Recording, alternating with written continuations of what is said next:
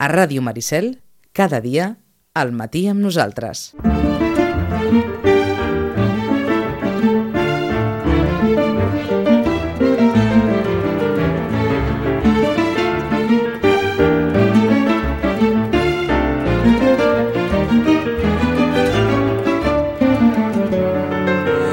Onze i 20 minuts aquesta setmana està notícia, diguem-ne, extraeditorial, però que fa referència a un dels grans autors de la literatura catalana, del qual en aquesta secció n'hem parlat alguna vegada.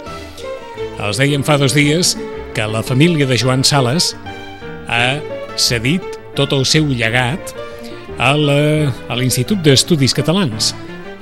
I no és un llegat qualsevol perquè ordenat, ben documentat, escrupulosament cuidat, així s'ha rebut el llegat de part de la filla de Joan Sales i de la família a l'Institut d'Estudis Catalans. És, com els dèiem, un autor d'aquells de, de capçalera que ha estat notícia aquesta setmana, més enllà del món editorial. Això per un costat. Demà, eh, si no recordo malament, sembla que és demà, eh, es presenta un llibre a la llibreria Llorenç i això, picarem una mica l'ullet a la Rosana perquè demà presenta un llibre un artista, un artista que és a la vegada articulista de l'avantguàrdia i és també un artista de referència dins el panorama artístic català. Rosana, bon dia, bona hora.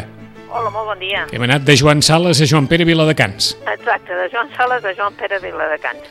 Dues, dos personatges també de, de la cultura catalana i en l'últim cas el de Joan Pere Viladecans, clar, té la vessant aquesta artística, no? que és un, un artista de, de renom internacional i que realment doncs, ens fa il·lusió doncs, que vingui a parlar-nos. No? I, clar, dir, clar, agafes algun dels articles i penses, bueno, és que a sobre has de reconèixer que et parla doncs això, no?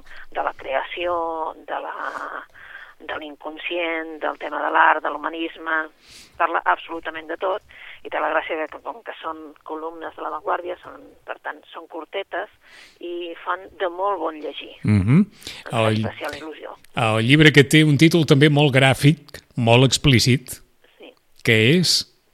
No ho veig gaire clar. Doncs queda, queda no clar, eh? gaire clar, eh? Bé, saps, es veu que m'ha fet especial gràcia doncs, al calaix del creador, no?, que ens parla mm -hmm. doncs, d'això, no? Es veu que fer no? les èpoques de sequera, les èpoques de, de superabundància i què has de fer, doncs què fas en aquell moment? Doncs tu guardes per quan puguis fer-ho, anotacions, projectes, allò que guardes tot en un, en un calaix i després doncs vas fent, no?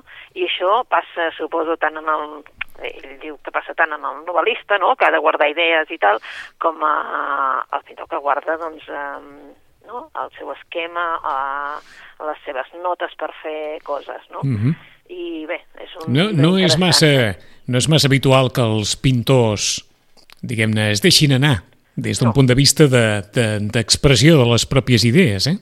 No, no, gens. Gens. Jo, jo, gens, gens. Trobo que és una, una experiència, saps allò que dius, bueno, tinc moltes ganes de sentir-lo perquè és que és això, no? No es deixen anar gaire i quan fan, bé, quan, quan inauguren una, una exposició sí que t'expliquen una mica i tal, però deixar-se anar d'aquesta manera amb, amb columnes a l'avantguàrdia, això no és gaire habitual. Ah, eh? Ens quedem, per tant, amb, amb aquesta frase que l'editorial Coma Negra utilitza per, per descriure aquesta novetat de Joan Pere Viladecans i és una frase, òbviament, del propi autor. L'artista és algú que passa tota la vida preparant-se per fer alguna cosa. Per al creador, la bellesa, en la feliç circumstància que la salut física i mental l'acompanyi, és l'estat més pur, més sobirà i més desinhibit per al seu exercici de crear. I això segurament, com deia la Rosana, seria extrapolable a moltes altres persones que no són creadors artístics. La bellesa, la bellesa, la bellesa d'edat, mm, no la bellesa estètica, la d'edat, és aquell moment de la vida en què, com que ja, diguem-ne, ja has fet tot allò que havies de fer, et pots permetre el luxe també de dir determinades coses o de fer-ne d'altres sense preocupar massa les conseqüències en l'opinió dels demés que poden tenir aquestes, aquestes accions. Doncs, sí. per al creador, diu Viladecans, la bellesa és precisament aquesta feliç circumstància en què es troba el creador en l'estat més pur, més sobirà i més desinhibit. Una de les reflexions.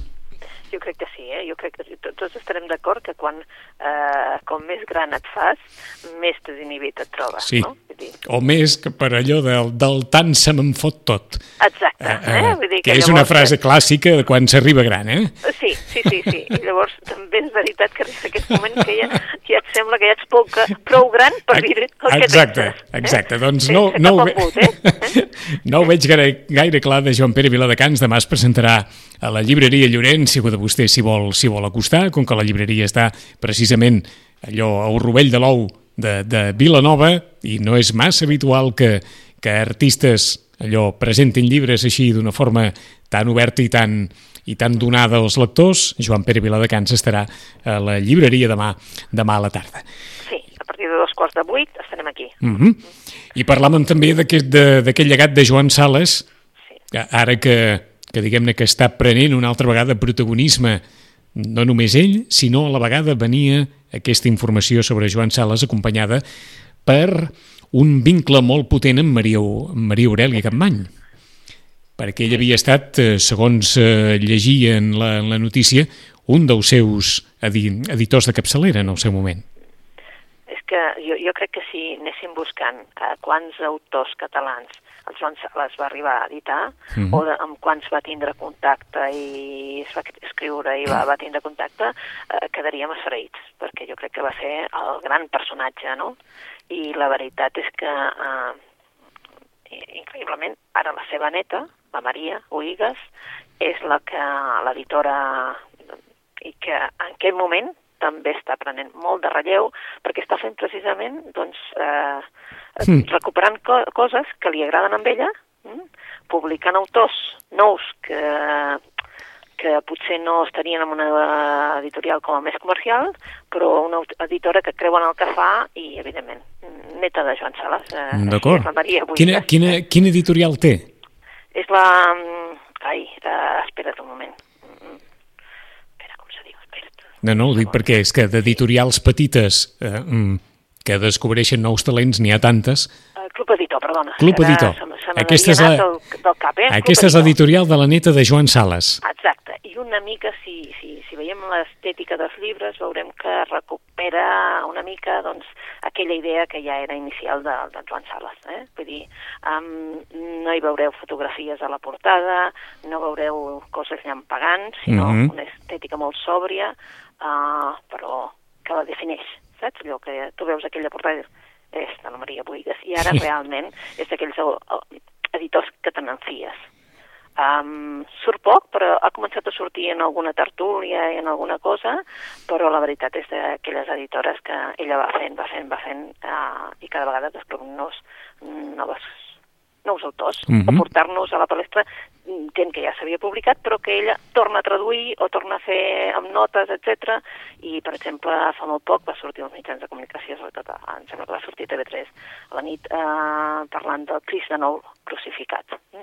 del Nikos Katsansakis, vull dir que dius, bueno, no és un autor d'ara, no, no, però creu que ha d'estar en el seu catàleg i és d'aquelles que pensen que ha d'estar en el seu catàleg Mhm. i el torna a publicar. De la mateixa manera que llegíem ara que eh, el maig d'aquest any Club Editor va editar la versió revisada de Mirall Trencat de Mercè Rodoreda.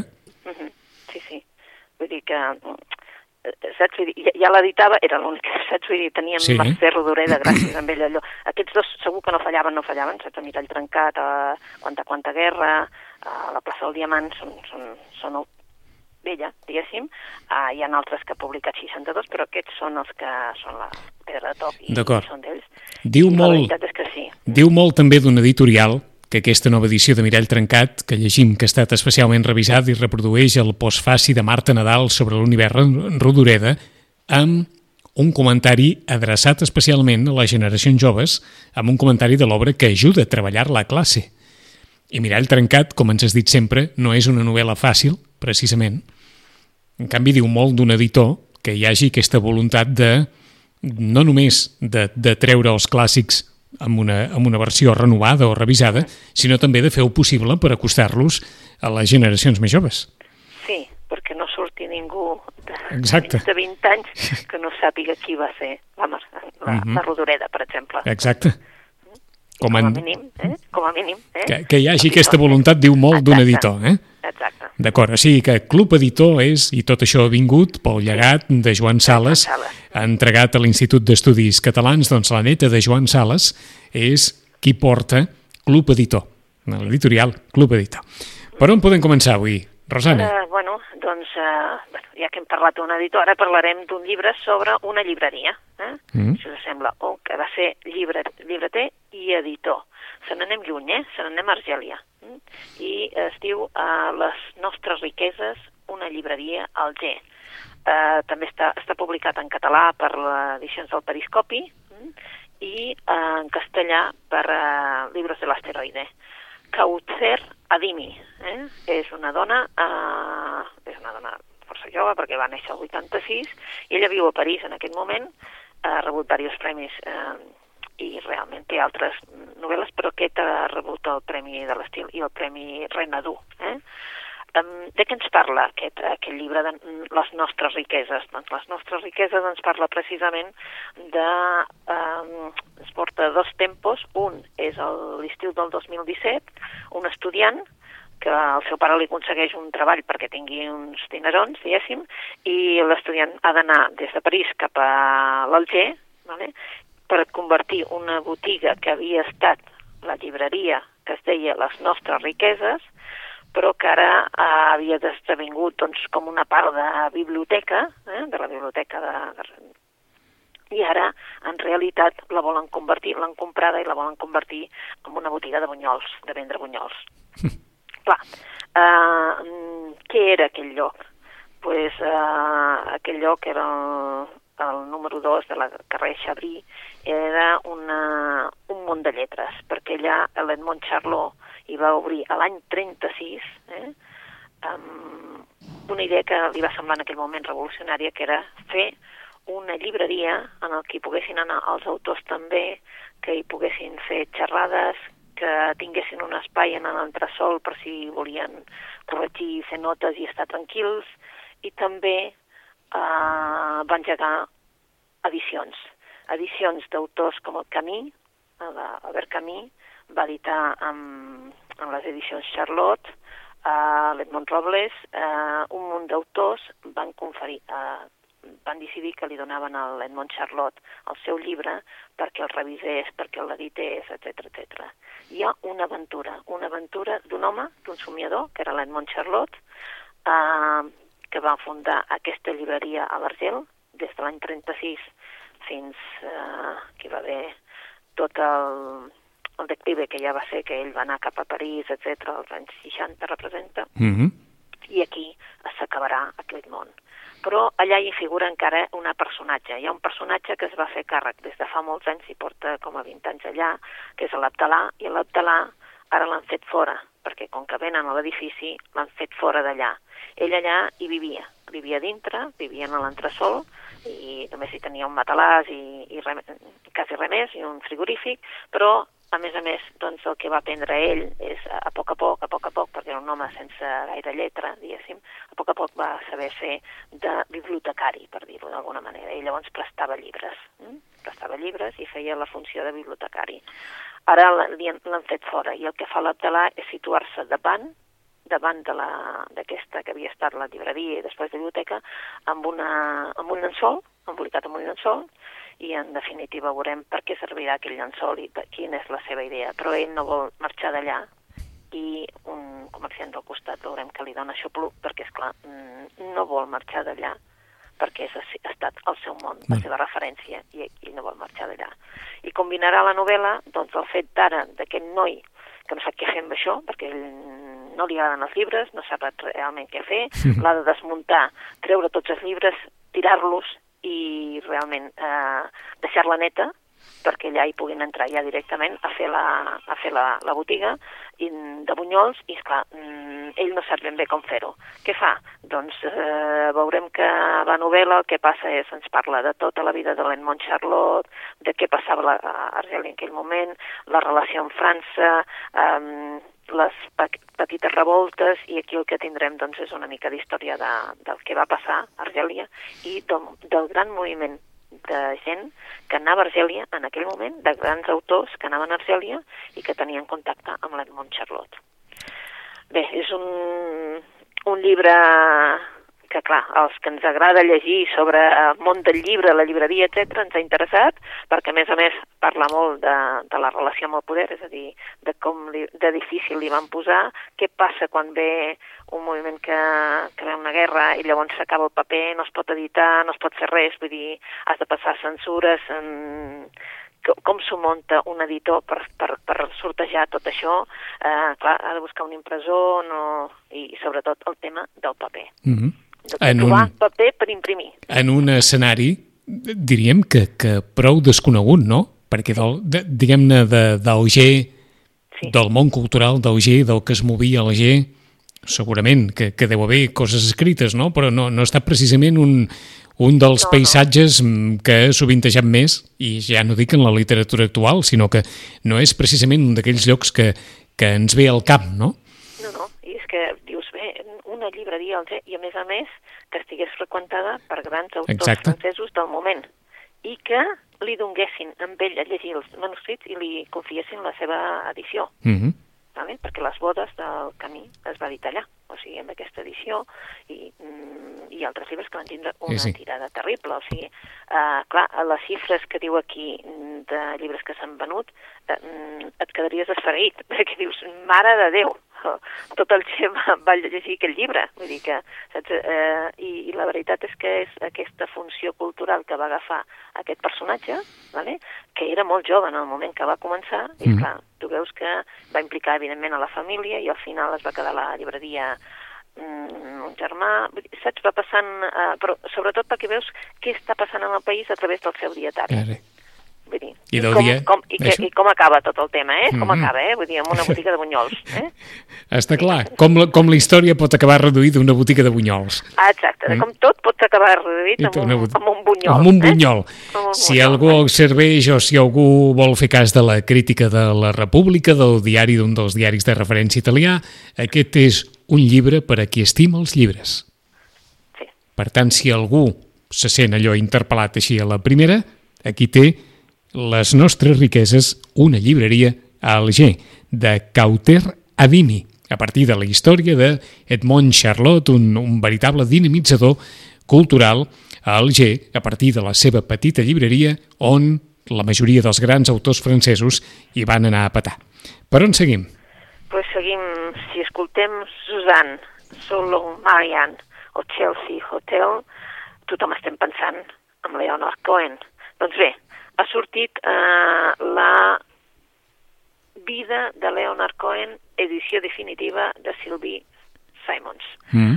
És una biografia definitiva de, de, del, del llibre de, de, que ens explica exactament tot el que va ser la vida del Leonard Cohen per tots aquells amants de, de la música seva i també per la seva poesia, que sabeu que va publicar poesia, etc. I leient llegint el Soy tu hombre hem descobert que realment hi havia unes quantes coses mm, diu la crítica, diu més de 500, diu el Marcos Ardóñez, que no sabíem eh, de la seva vida i de la seva, de la seva obra. Bé, és una biografia d'aquelles extenses per aquells que vulguin saber una miqueta més per aquest gran icona que va ser Leonard Cohen. Mm, doncs aquí ho tenen. Soy tu hombre, la vida de Leonard Cohen acabat de sortir de Sylvie Simons i també eh, Francisco José, tot un, tot un seguit d'autors. És, entenc, una reedició? És una reedició. És una reedició, eh? Sí, edició, diguéssim, definitiva, perquè s'han trobat amb moltes altres coses, es va publicar una i llavors ara s'ha fet aquesta és l'edició definitiva. Mhm. -huh. vale, ara ja sí que s'ha donat... Ho dic perquè la, algú, algú de qui ens escolti pot pensar, escolta'm, però si em vaig comprar un, un llibre sí. que es titulava Soy tu hombre, o sigui que, sí. que, que és a partir d'aquella edició, una, una edició renovada... Mm, entesos. Sí. La biografia definitiva de Leonard Cohen, Soy tu hombre, acabada de sortir, que no es creï confusió, amb la que va sortir fa uns 5 o 6 anys enrere fa potser dos, tres anys, diríem, eh, hi va haver una petita així, arreal d'un llibre, va ser un llibre que era un dels llibres més venuts i en realitat un llibre més venut però que era molt estrany el, el llibre perquè dius, bueno, uh, manual per a mujeres de la limpieza. Clar, aquell... Em, em sembla que no n'havíem parlat mai d'aquest llibre. Sí, sí, sí que n'havíem Sí? parlat, sí, de la Lucía Berlín, fa potser 3 anys, una cosa així. Potser Perquè sí. va ser, a més a més, vull dir, És que, ser és que de debò que em torna... Em, doncs Sí? aleshores em crida tant l'atenció aquest, aquest titular com fa 3 anys. Probablement me la va doncs, cridar. Bueno, sí, sí. sí. sí, perquè dius, bueno, a veure, un llibre que digui Manual para mujeres de la limpieza, home, dius, home, està molt bé, no? Està molt bé, però no, no era això. Evidentment, no, era eh. un llibre de contes, eh? Ara, ara, em sembla, ara ho començo a recordar, però és clar, estava, té aquest vessant irònic tan potent, aquest títol, que, que és inevitable. Eh? Sí, era, si et recordes, sí, una, una autora que era la Lucía Berlín, que un editor de Nova York se'n va donar després dels anys, eh, ara, fa poquets, fa 5-6 anys, se'n va donar que va dir, mare de Déu, com és que aquesta cosa l'hem perduda quan havia sigut una autora venudíssima en el seu moment, perquè, clar, um, quan veus la fotografia de, de la contraportada, vale? aquesta senyora de, deu ser dels anys 60, això ho va escriure els anys 60 o alguna així, uh, clar, mm, mm, moderna, saps allò, amb fumant, uh, amb uns ulls potents, uh, una senyora completament diferent a lo que seria el canon de l'època. Eh? Vull dir, ella era, la Lucía Berlín, va ser una gran autora, tothom la considera la gran autora, una de les més grans escriptores que hi pot haver, però ella el que era molt bona és fent contes, eh? narracions curtes, Mhm. i eh, en el manual per a mujeres de la limpieza veiem que hi havia com un, com un fil conductor que et portava, que veies que hi havia moltes coses personals, és a dir, que havia recreat moltes coses de la seva vida personal, ¿vale? perquè la seva vida personal va ser com a bastant, saps?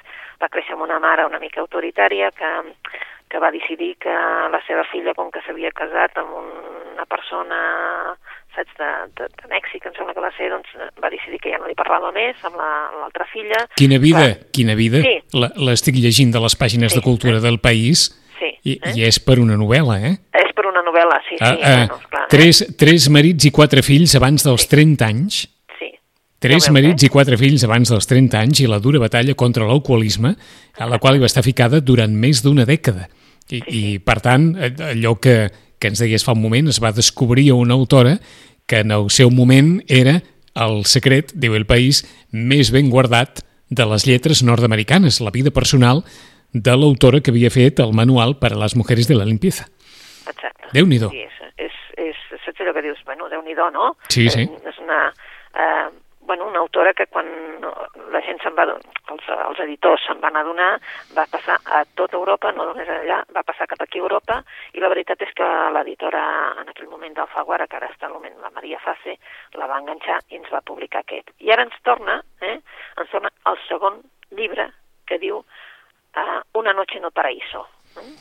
I bé, tornen a ser narracions, que ningú no s'enganyi, ella era molt bona amb, amb això, i bé, qui representa aquí? Pues, mm, la veritat és que com sempre, eh? eh uns personatges melancòlics, eh, uns personatges eh, honestos però alhora mm, amb molt de magnetisme, uns personatges amb molta intensitat, però evidentment perdedors, eh? vull dir, em, la part de la, la diguéssim, l'Amèrica més profunda i tenim això, una noche en el paraíso, per quan vulgueu tastar a la Lucía Berlín. Mm. I, evidentment, Aquesta és la-. No, no. Manual per a mujeres de la limpieza.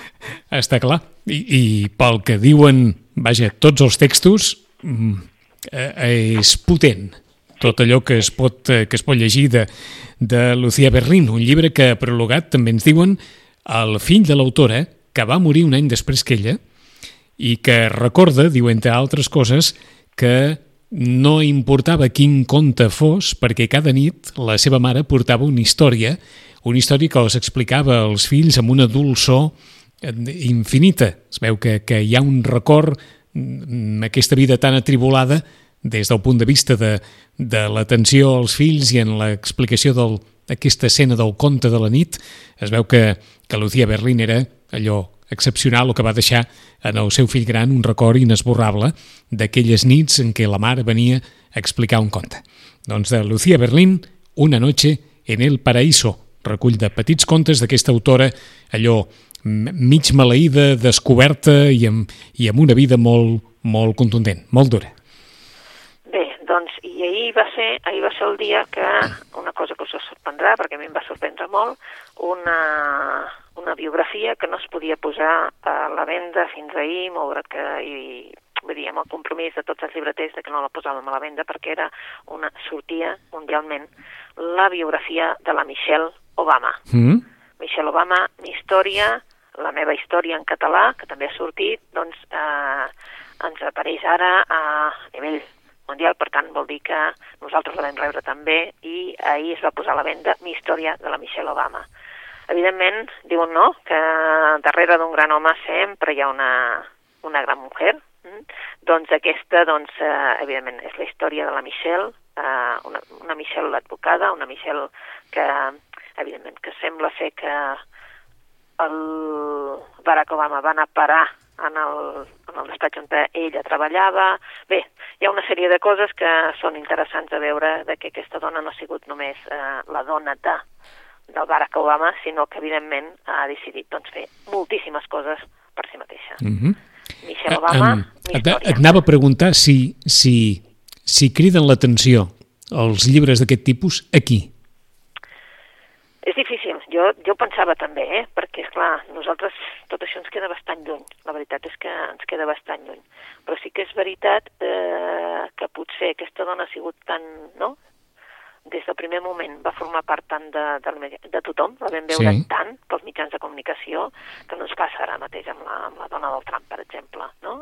Tenen un perfil tan diferent, mm. de, tan propera, tan, sempre tan semblava que, no?, que tot ho fes fàcil, no? Que jo crec que també interessarà a, a gent que digui, bueno, vaig a, veure, vaig a llegir a veure què, no? Ha sigut un canvi tan brutal, em sembla, eh? a mi amb, a, a, la, a la Casa Blanca, Yeah. que potser també ens interessarà saber què feia aquesta senyora perquè tot es mantingués i què feia ella com a, com a dona, eh? Sim, simplement com a dona. Eh? Mm, clar, quan va tenir les... Eh, es veu que va ser tot complicat per tenir les criatures, o sigui, les va tenir grans també, i la veritat és que eh, suposo que et dona detalls de d'històries molt personals. No, no, està clar. El, el, el, el Washington Post ha extret una, una part d'aquest llibre, la part o una de les parts que promet ser, òbviament, més, més motiu de, de tertúlia i de, i de controvèrsia quan ella diu, reconeix que no perdonarà mai a Donald Trump eh, haver impulsat l'any 2011 el fals, el fals rumor que l'aleshores el president americà, Barack Obama, el seu marit, no havia nascut als Estats Units. En el llibre ella es pregunta i ella diu obertament que va fer que va ser quelcom boig i malintencionat i per suposat no va aconseguir amagar la intolerància i la xenofòbia que hi havia darrere d'aquesta teoria. Entre altres coses diu que va ser quelcom perillós dissenyat deliberadament per agitar a gent malalta del cap. Què hagués passat si algú amb una ànima inestable hagués carregat una arma i l'hagués utilitzat fins a Washington i si aquesta persona hagués anat a buscar a les nostres filles, això és el que diu, entre altres, eh, hem de suposar, multitud de coses, eh, Michelle Obama, en el seu llibre, en aquell llibre que es titula, almenys la versió en castellà, es titula Mi història. A veure si genera interès, a veure què ens dius les properes setmanes, Sí, sobre a si ha si- despertat veure interès si- o no, eh? Sí, he tingut interès, sí, suposo que... Jo suposo que també serà un, un regal de Nadal, eh, d'aquelles de dir, ah, mira, doncs, hi ha gent interessada també Mhm. a saber quin ha sigut aquest canvi tan brusc. t'ho pregunto no? perquè, és clar, llibres que diguin Sí. coses de Trump ja n'hi ha tants, Sí, que aleshores però no, no sé si hem entrat en un període d'aquells de saturació de dir ja no me'n ve d'una que me'n digueu de Trump i per tant tinc, tinc un interès relatiu en, en saber més coses de, de Trump. Sí, és no, que... no, no, jo suposo que, el que si l'agafes, jo suposo que el que vols és saber d'ella, no? Jo- jo crec que sí. Eh, perquè, clar, vull dir, de Trump quasi, quasi que no sé, eh, que, que no val, tots plegats, no? no, val, no val la pena saber-ne bé. Exacte, no, no, jo crec que ja ens podem estalviar, ja, ja en tenim prou amb el que diu, eh? Doncs, a veure què els pot semblar aquest llibre. Entre altres coses, l'editorial ha pagat, no, no hi ha una xifra concreta, però sí que les informacions que han transcend- han transcendit és que ha pagat un disbarat de diners perquè Michelle Obama hagi decidit doncs, posar la seva vida en, en format de, de llibre, que no seria res tampoc massa novedós a la política nord-americana, però en qualsevol cas s'ha pagat molts diners per aquest, per aquest llibre. Per on seguim? Doncs seguim per una autora molt jove. Uh, es diu Luna Miguel. Luna Miguel ha fet un llibre que li acaba de publicar Luma, la Lumen, i Luna Miguel és una noia jove perquè va néixer al 90, vull dir que és jove. Eh? I ara, eh, aquest any, el proper any, ella serà l'editora convidada en una altra editorial, que és el Cavalló de Troia, o sigui, eh, dintre del grup de, de Random, doncs hi ha també Cavalló de Troia, i ella serà autora, editora convidada, perdona. Ella dirigeix una revista aquí a Barcelona, que és el Playground, eh, una revista digital, mm -hmm. i també fa columnes amb, amb algun diari. Però, en realitat, aquí ens presenta una novel·la que es diu El funeral de Lolita. És una novel·la, diríem, fresca, una novel·la eh, que se li nota aquest punt d'autora jove, eh, d'autora que se serveix de d'això, no? que el personatge té també tots els tics de, de, de gent jove, o sigui que tenen un blog, un fotolog, un... Vale? Eh, uh, d'aquella gent que doncs, el nòvio els deixa per, per, perquè uh, decideix doncs, uh, donar de baixa el blog i ella se n'entera doncs, que l'ha deixat el nòvio d'aquesta manera tan, tan brutal. Mm. Um, D'aquestes relacions de bastant així, diguem-ne, no superficials però sí poc profundes mm? i també d'aquesta gent doncs, que, bé, que busquen, que busquen, que expliquen les coses així com a, com a diguéssim, vol provocar també aquest rebuig cap a alguna cosa o aquesta tendència cap al personatge, cap a entendre el personatge. Però bé, ens presenta l'Helena. L'Helena és una noia que que encara, que és una crítica gastronòmica, que té un nòvio que es diu Sebastian, amb el que viu. Um, ella fa la seva vida, diguéssim, és crítica gastronòmica, comparteix un blog de, amb el amb el seu company, amb el Sebastián, de, també de llocs on te van a menjar i llavors doncs publica doncs, cròniques, etc. Però la veritat és que eh, aquí ens presenten el moment en què, bé, mm, una amiga, la seva amiga d'infantesa, d'adolescència mm. també, eh, l'avisa mm, través del Facebook de que el professor de literatura que tenien en aquell moment, quan eren, estaven a l'institut, ha mort. Era un professor el que ella tenia molta relació, després veurem que més que relació era, doncs això, una relació que va anar més enllà. Ella se sent amb el d'això de que vol anar a l'enterra, no sap què fer, al final agafa i se'n va amb un ave cap a Alcalà d'Henares, que és on està, des de Barcelona cap a Alcalà d'Henares, i allà el que havia de ser una estada d'unes hores per uh, assistir a l'enterrament, sí. que no li havien avisat, etc etc, es converteix en uns dies. Uns dies en el que doncs, mentirà absolutament a tothom, uns dies en el que doncs, eh, vaguejarà per Calà d'Henares reconeixent una mica la seva història, eh, explicant-nos la seva història de quan era jove, eh, de Lolita, eh, una Lolita, i en definitiva amb, també recuperant aquesta amistat amb aquesta noia que és curiós que és això, no? O sigui, eh, ella es mou moltíssims per les redes socials, etc etc i no és capaç d'aquella amiga de tota la vida que l'ha anat seguint, etc, que l'ha seguit amb ella, però en canvi ella no sap absolutament res d'aquesta amiga que, de fet, eren amigues de l'ànima, no? Mhm. -huh. I veus aquest, aquest món de relacions tan estranyes, tan, uh, tan diferents, uh, i també, doncs, uh, aquesta funeral de Lolita, perquè en definitiva es tracta, doncs, de superar-ho. Una novel·la potent, la veritat, d'una noia jove i adreçat doncs, a un públic, jo diria també, de 25 a 40, que això també fa mal de dir-ho perquè les novel·les no tenen edats, però sí que és veritat que suposo que molta gent s'hi sentirà doncs, eh, reflectida o, o, o diguem-ne, més empàtica amb la novel·la que, que segons a quina edat. Mm -hmm. És la primera novel·la, eh? És la primera novel·la, malgrat de Luna que ella, eh, malgrat que ella, eh, a part de dirigir la revista, ja ha escrit un munt de poemes, o sigui, de llibres de poemes, i també eh, un assaig, conjuntament amb un altre autor, i penseu que, clar, és que és molt jove, i, i ha fet moltíssimes coses. Mm -hmm. eh? Té 28 anys només, o sigui sí, que... té 28 anys, sí. Doncs s'apunta en aquest nom Luna Miguel, una novel·la potent, El funeral de Lolita. Lolita. No és que existeixi... Donarà, donarà a parlar Ah. en, endavant. Eh? No és que existeixi Lolita, sinó que Lolita era ella. Mm? D'alguna Era manera. el personatge. Era el personatge. Sí, sí. Era el personatge. Era el personatge. Eh? Doncs anem a fer un repàs a, a, a tot el que ens ha deixat avui la, la Rosana, que són moltes coses. Hem començat amb aquesta presentació que, te, que tindrà lloc demà a Vilanova de el llibre de Joan Pere Viladecans, que és un recull dels seus articles a La Vanguardia.